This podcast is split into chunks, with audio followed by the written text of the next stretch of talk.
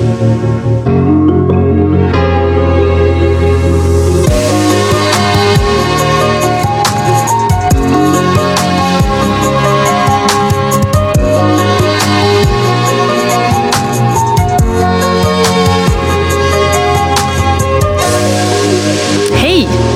och välkommen till Sanofis podd Ett samtal om diabetes. I den här podden som riktar sig till vårdpersonal kommer jag, Ida Wallin som jobbar som medicinsk rådgivare och Andrea Olin som är produktchef samtala med kunniga personer kring diabetes.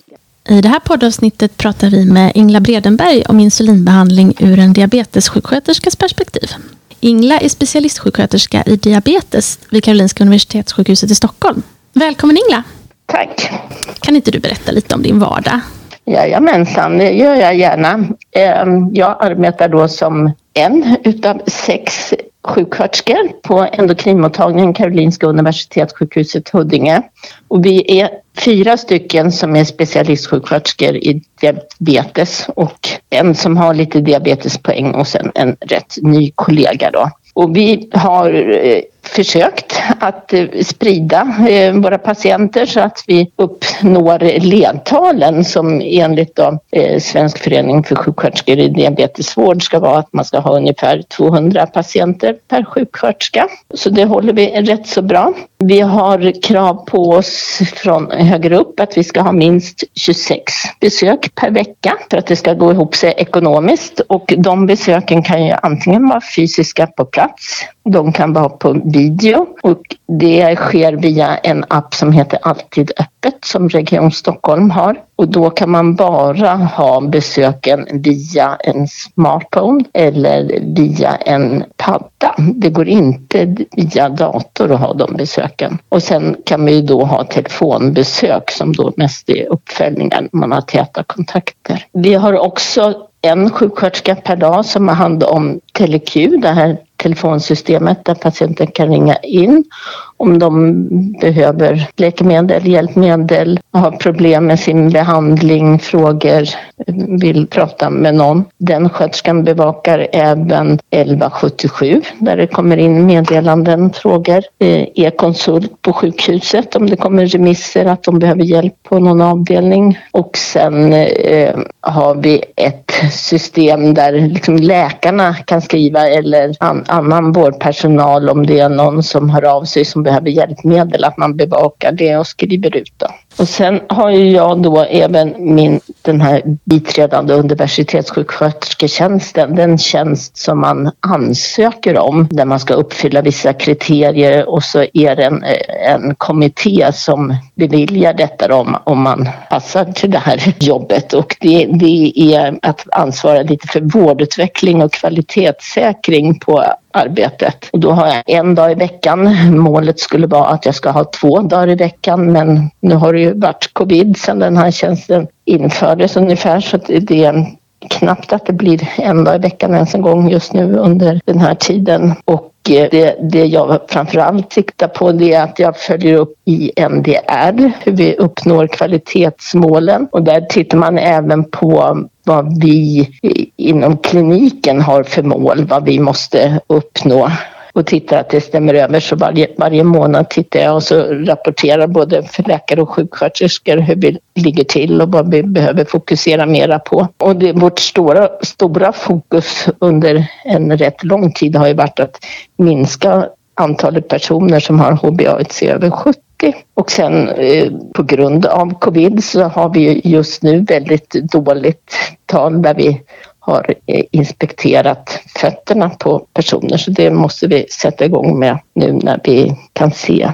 personer fysiskt igen. Och det jag också har gjort på min bustjänst är att jag följer upp hur det går för de personerna som startar med insulinpump. Att vi har rätt krav eller att det är rätt personer som får pump och hur det går för dem. Att jag följer upp kvartalsvis hur det går då. och vad vi skulle kunna behöva göra för att få bättre resultat. Då. Och det är jätteroligt med den här bustjänsten för det har varit ett av mina mål under väldigt lång tid att vilja se och utvärdera det vi gör, om det är rätt saker vi gör eller om vi skulle behöva göra det på ett annat sätt. Så det är kul att, att hinna uppleva det innan man går i pension. Det låter jätteintressant, men eh, för att förtydliga, du träffar ju vuxna patienter främst med typ 1-diabetes, eller hur? Ja, vi har eh, Eh, personer över 18 år som går hos oss eh, med, med eh, regelbundna kontroller. Då. Sen är vi ett utav tre ställen i Region Stockholm som även har kurser för personer med typ 2-diabetes. Och då kommer det remisser från primärvården. Då har vi erbjudit tidigare en fyra dagars utbildning som vi nu under covid, när vi haft möjlighet att ha sådana här utbildningar då har bantat ner till en dagars utbildning, att de får mera kunskap om sin diabetes samtidigt som vi ser över behandlingen. Och nu under covid så har vi även erbjudit att de här eh, som vi får remiss på med typ 2 diabetes att de kan välja om de vill komma på en sån här gruppundervisning eller om de bara vill ha ett, ett enskilt besök hos en läkare. Eh, men det ofta har varit uppskattat att komma på utbildning och, och, många säger att de skulle vilja haft det långt tidigare, att de hade kunnat ta hand om sin diabetes bättre om de hade fått den här kunskapen från början. Ingela, skulle du kunna beskriva hur ni som ett team jobbar med patienten? Alla de som går hos oss eh, regelbundet, de ska ha en patientansvarig läkare och en patientansvarig sjuksköterska. Så de ska ha liksom fasta kontakter i den mån det är möjligt. På läkarsidan så är det så att vi har mycket eh, läkare som randar sig eh, och då kan de ju få träffa en sån här randande läkare ibland men då ska det alltid vara ordinarie läkare som handleder eh, den här randande läkaren. Då.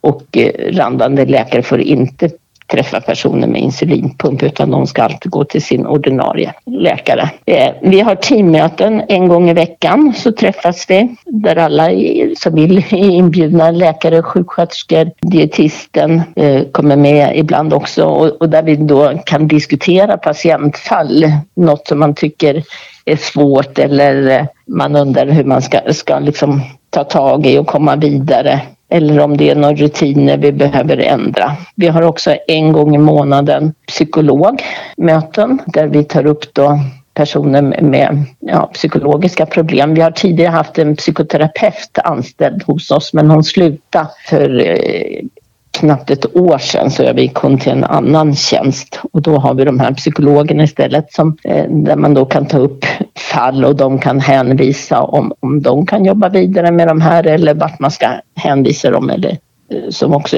stärker då teamet tycker jag. Vi har också möjlighet att boka teammöten, att man liksom kan boka personer med diabetes på ett eh, besök med både läkare och sjuksköterska tillsammans så att man träffar, träffas ihop och eh, sätter liksom gemensamma mål och, och beslutar hur man ska följa upp och stötta. Vi lägger också gemensamma aktiviteter för kommande termin. Då är det läkare, sjuksköterska och dietist som tillsammans planerar kommande termin. Hur ska de här utbildningsveckorna för personer med typ 2-diabetes ligga? När ska vi ha pumpstarter? Eh, hur mycket kolhydraträkning kurser och utbildningar ska vi ha? Ska vi ha några andra aktiviteter? Nu har vi haft eh, för våra egna patienter med typ 1-diabetes så hade vi under hösten med, med, pump och fysisk aktivitet och så hade vi det ihop med de olika pumpföretagen. Nu till våren så är det olika om man har smarta insulinpumpar eller andra insulinpumpar i olika grupper och även för pennbehandlade och fysisk aktivitet som vi har. Det har ju varit lite dåligt med sådana speciella eh, aktiviteter då, de här två sista åren. Då. Och sen då lägger vi ju våra personalschema utifrån hur vi då har planerat terminerna då, så att det är täckning och bemanning och vem som ska ansvara för vad. Då.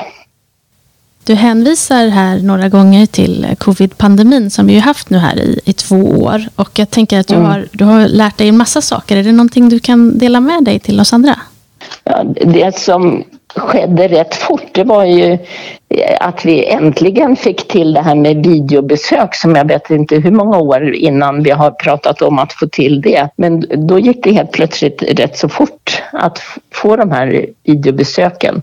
De är ju inte optimala ännu eftersom man då måste ha en smartphone eller en padda och att man måste ha bank-id. Och eh, där har det ju inte varit tillåtet att dela skärm, att kunna visa kurvor från nedladdade blodsockerhjälpmedel, kontinuerliga mätare eller sånt. Eh, det har precis kommit så man kan ladda det men, men laddar man ner det i en telefon så blir det ju en jätteliten bild och, och att det är svårt att titta på. Så det är inte helt optimalt men det är ändå möjligt.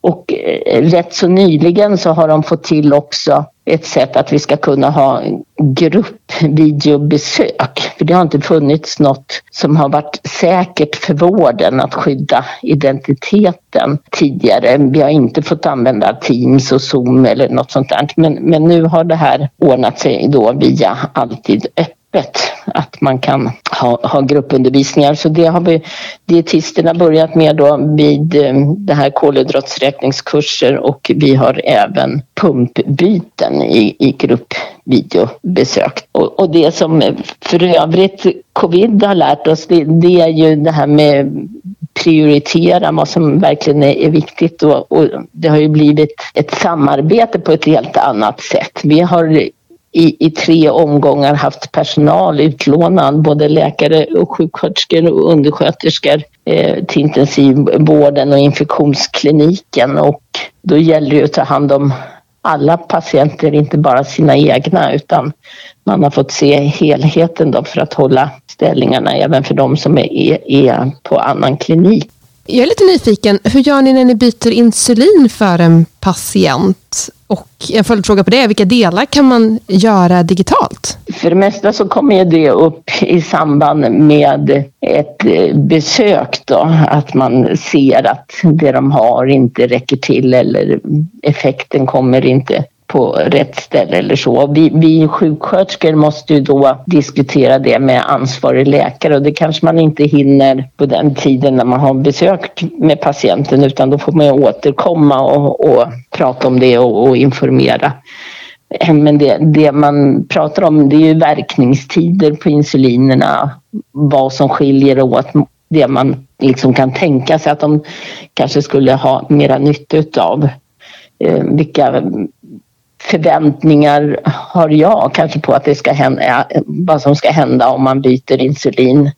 Eh, vad, vad kan patienten ha för förväntningar? Och hur gör man när man justerar doserna? Ska man tänka på något annat sätt än med det insulin de har haft innan? De här lite mer långverkande insuliner så kanske man måste tåla sig lite mellan ökningarna eh, än vad man har kunnat gjort med något annat. Hur gör man om man skulle glömma en dos? När man väl har pratat och informerat så, så är det ju inget problem att göra det här digitalt eller via ett telefonbesök. Tala om att nu ligger det recept och eh, många hjälpmedel fungerar på i stort sett samma sätt, liksom själva insulinpennan då, med att dosera. Eh, och sen är det ju då att boka att man tar uppföljningar och ser, eh, händer det som jag vill ska hända? Har det rätt effekt. Och ibland kanske man går ner lite i, i, doser för att vara på den säkra sidan och då måste man ju vara med och titta vad som händer och, och följa upp och titrera upp doserna. Det är inget som man kanske behöver ses fysiskt för att göra utan om de har någon kontinuerlig mätning eller blodsockermätning som de kan ladda ner i något datasystem så att man kan se det så är det lätt att följa upp på annat vis. Då. Men eh, du som diabetessjuksköterska, ur ditt perspektiv, vad är den största utmaningen vid behandling med insulin? Den största utmaningen är ju att få eh, personerna med diabetes att ta rätt dos utifrån vad de ska äta och vad de ska göra. Och många som har haft sin diabetes länge tar ju kanske alltid samma doser oavsett vad de har på tallriken och de vill inte lära sig och räkna kolhydrater. Som mera de som insjuknar idag eller som är yngre som får lära sig det från början att tänka på vad har jag på tallriken Och vad ska jag göra? Och dosera utifrån det att det blir ju mycket bättre för dem. Så just variera doserna, inte ta samma eh, varje gång. Och sen att ta eh, injektionen i rätt tid. Att även om det är ett direktverkande insulin så tar det en stund innan man får effekten där man vill. Och det ser vi ju mycket idag med de här kontinuerliga blodglukosmätningarna. att Man ser när toppen kommer, att det kommer en topp och att det sen kanske sjunker väldigt hastigt i, i slutet och då gäller det att försöka få eh, personerna att ta insulinet kanske lite innan. Att vi är tillbaka där vi var förut, där vi sa 10 minuter, en kvart innan måltid och att det gäller även med de här eh, nya eh, snabbare insulinerna. Och eh, sen är det ju det här också att sprida på sina injektionsplatser, att inte sticka på samma ställe hela tiden utan tänka sig för att använda hela platsen för injektionsområdet. Att flytta runt. Även om det är tunna nålar idag en del med långverkande insuliner är mer koncentrerade men det ska ändå injiceras flera gånger per dag. Att man verkligen tänker på att cirkulera och flytta runt och vara observant på hur man ger injektionen. Behöver jag lyfta ett hudveck eller inte? Och att man har koll själv och, och, och känna efter hur känns det på kroppen där jag brukar injicera. Har jag några hårda bullar behöver jag tänka på att flytta runt lite eller inte. Avslutningsvis, Ingela, har du något tips som du skulle vilja förmedla till dina kollegor om i landet? Det finns en skrift som jag tycker är, är riktigt bra eh, som heter Diabetesspråket som Nationella diabetesteamet har tagit fram jag pratade om den på, på, en föreläsning och sa att det inte var någon kioskvältare precis men då kom, då kom Stig Attman fram till mig och berättade det, det var över 17 000 nedladdningar på den så att han, han trodde nog att den var lite kioskvältare i alla fall. Jag tycker att att den ger mycket tänkvärt i hur vi använder vårt språk när vi pratar med, med, med personer med diabetes. Att man inte lägger på skuld och skam och att man inte bestämmer eller pekar med hela handen. Och det, det stämmer också överens med hur vi jobbar idag med personcentrerad vård. Att vi inte tar över vården utan att vi stöttar och att vi coachar våra patienter. Och då gäller det ju att man använder eh, språket rätt, att inte lägga några belastningar eller fördömningar på patienten utan att de vågar liksom prata och berätta hur det är och, och vad är det som är ett problem och att man gemensamt kan komma med idéer och lösningar på hur man kan göra det här. Och, och det här diabetesspråket den kan man googla på så kommer man till SFDs hemsida där man kan ladda ner den och läsa. Så den tycker jag är väldigt viktig och, och det symboliserar också det här hur vi ser ut. Vi har två öron och en mun. Lyssna mer än vad man pratar kanske. Mm. Det låter som ett jättebra tips. Verkligen. Mm. Men då tackar vi dig Ingela så mycket för att du ville vara med i vår podd och berätta om insulinbehandling ur en diabetessjuksköterskas perspektiv. Eh, och om du som lyssnar vill återkoppla till oss så hör du av dig på ett samtal om diabetes sanofi.com. Och denna e-mail finns som vanligt länkad till vid infotexten till vår podcast. Ha det bra tills nästa avsnitt kommer. Hej då! Hej då!